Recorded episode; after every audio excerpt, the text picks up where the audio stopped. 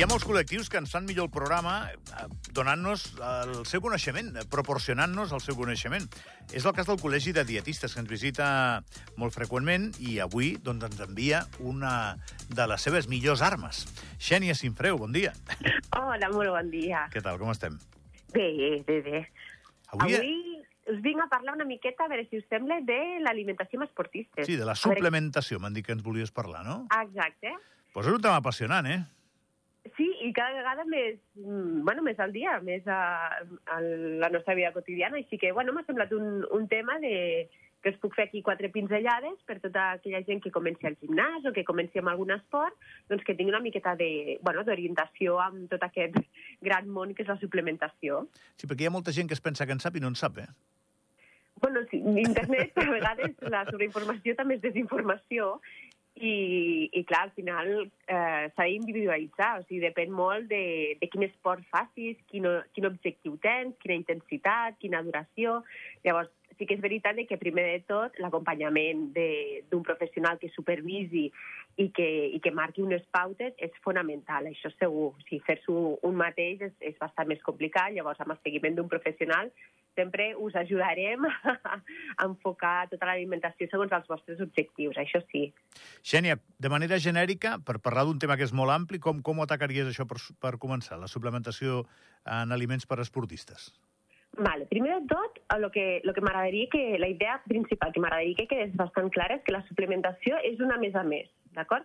Llavors, mm, tots els esportistes o la gent que comença al gimnàs o la gent que fa esport no, no tenen l'obligació de suplementar-se. Realment, si ells duen una alimentació que sigui suficient, que sigui variada i que sigui equilibrada, aquesta suplementació és en el cas de que no arribem a eh, un aport de proteïna suficient, per exemple, o que necessitem eh, augmentar el, o millorar el, el rendiment.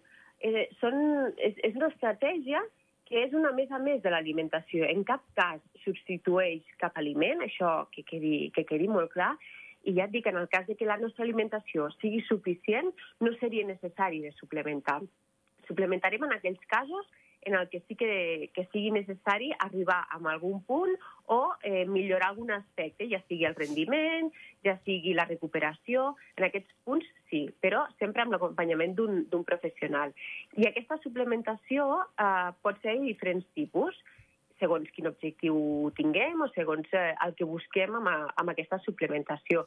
Segur que heu sentit eh, la proteïna en pols, que aquesta suposo que és la, la més extesa o la, la que podem trobar més, més fàcilment. Segur que us sona, eh, que sí? Et diré un secret, quan vaig al gimnàs veig gent que porta uns pots amb, amb culleres i penso que fan. Jo, Però no jo, saps- jo no amb saps cullera l'únic que he fet a això. la vida és posar-me el colacao. és la, sí, és la suplementació més, més extesa. Uh, ja et dic, si, si nosaltres consumim la, la proteïna suficient, no seria necessari.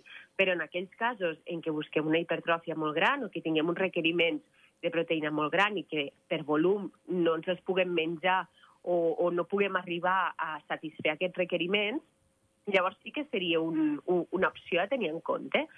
El, la més extesa o la, la més utilitzada és la, la, la proteïna de suero de llet, que és la que té més valor biològic. Llavors, tota aquesta gent que tinguin uh, intoleràncies a la lactosa o al·lèrgia a la proteïna de vaca, això que, que ho tinguin en compte perquè la major part d'aquesta suplementació és de suero de llet.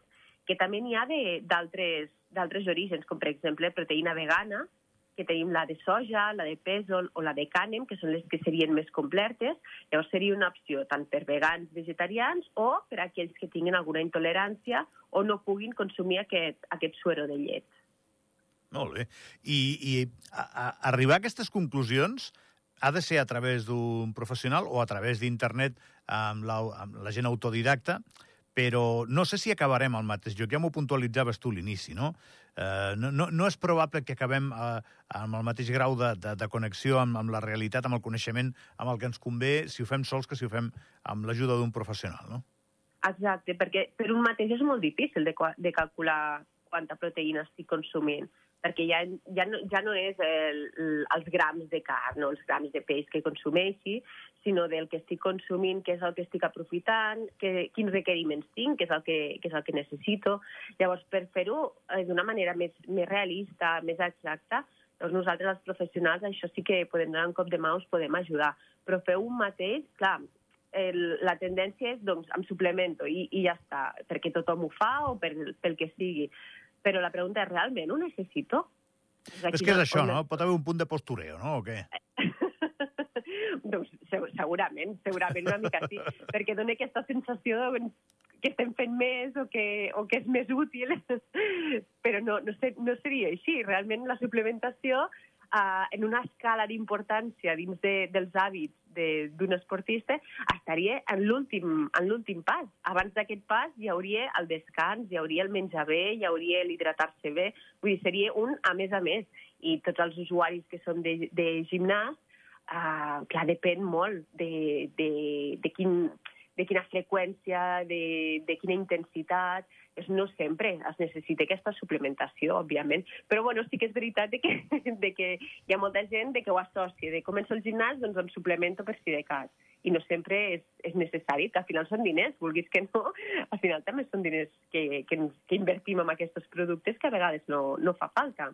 I hi ha una pregunta important, Xènia, també. Uh, Tu suplementes, però alhora, quan suplementes has de, has de tenir una activitat física suficientment important com per justificar-ho, perquè si no igual t'estàs extraalimentant, o què? Exacte, exacte, per això, per això el comento, que va com molt associat de vaig al gimnàs i em suplemento i doncs potser no, no és necessari. I ara perquè estem parlant de la proteïna en pols, per exemple, però també hi ha suplementació d'hidrats de carboni que són específicament per a aquells eh, esportistes d'èlit o, o no, que no poden arribar a la quantitat d'hidrats de carboni suficient perquè tenen uns requeriments molt alts, llavors per volum de menjar és molt difícil d'arribar. I existeixen aquesta, aquesta suplementació d'hidrats de carboni que també s'utilitzen.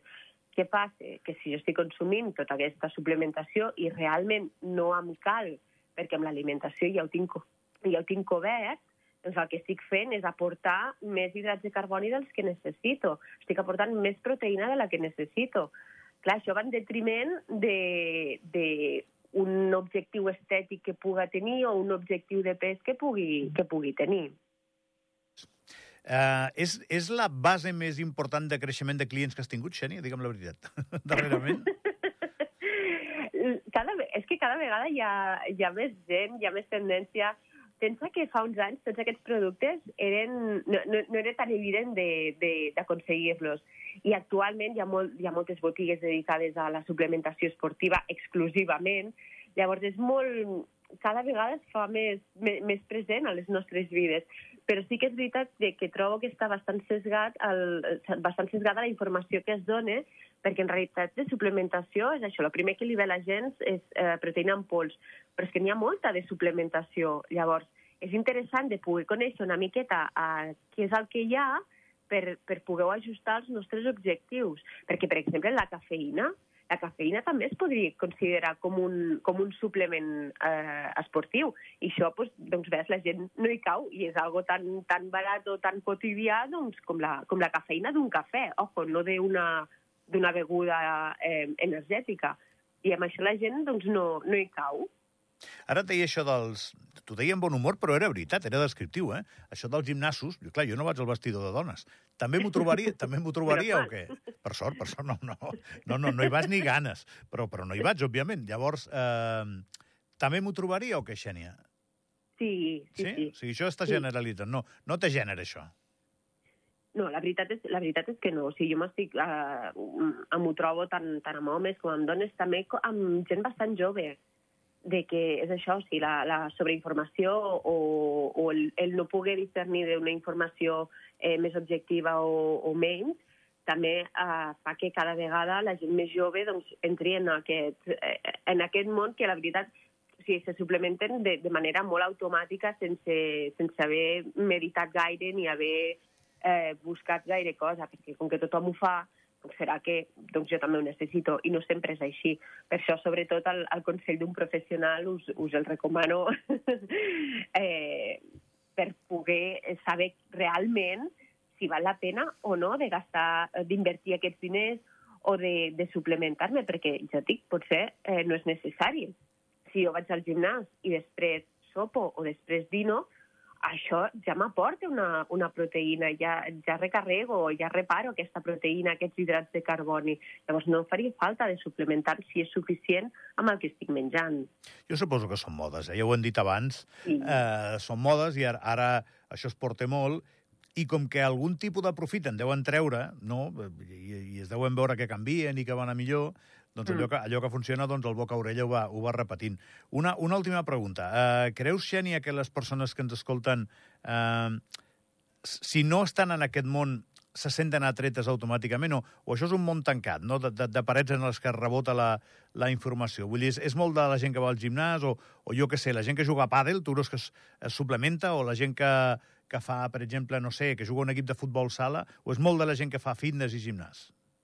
No, ah, bastant amb, amb els esports en general, eh? Sí? Sí, sí, sí, sí, perquè pensa que al final també hi ha, hi ha un desgast. Sí que, sí que igual és una miqueta més evident en gimnasos perquè hi ha molts, hi ha, hi ha molts establiments que ja t'ho venen allà directament. Llavors és, és molt accessible, és molt, és molt fàcil. Però està bastant, bastant generalitzat i ja et dic que hi ha molt, molts tipus de, de suplementació.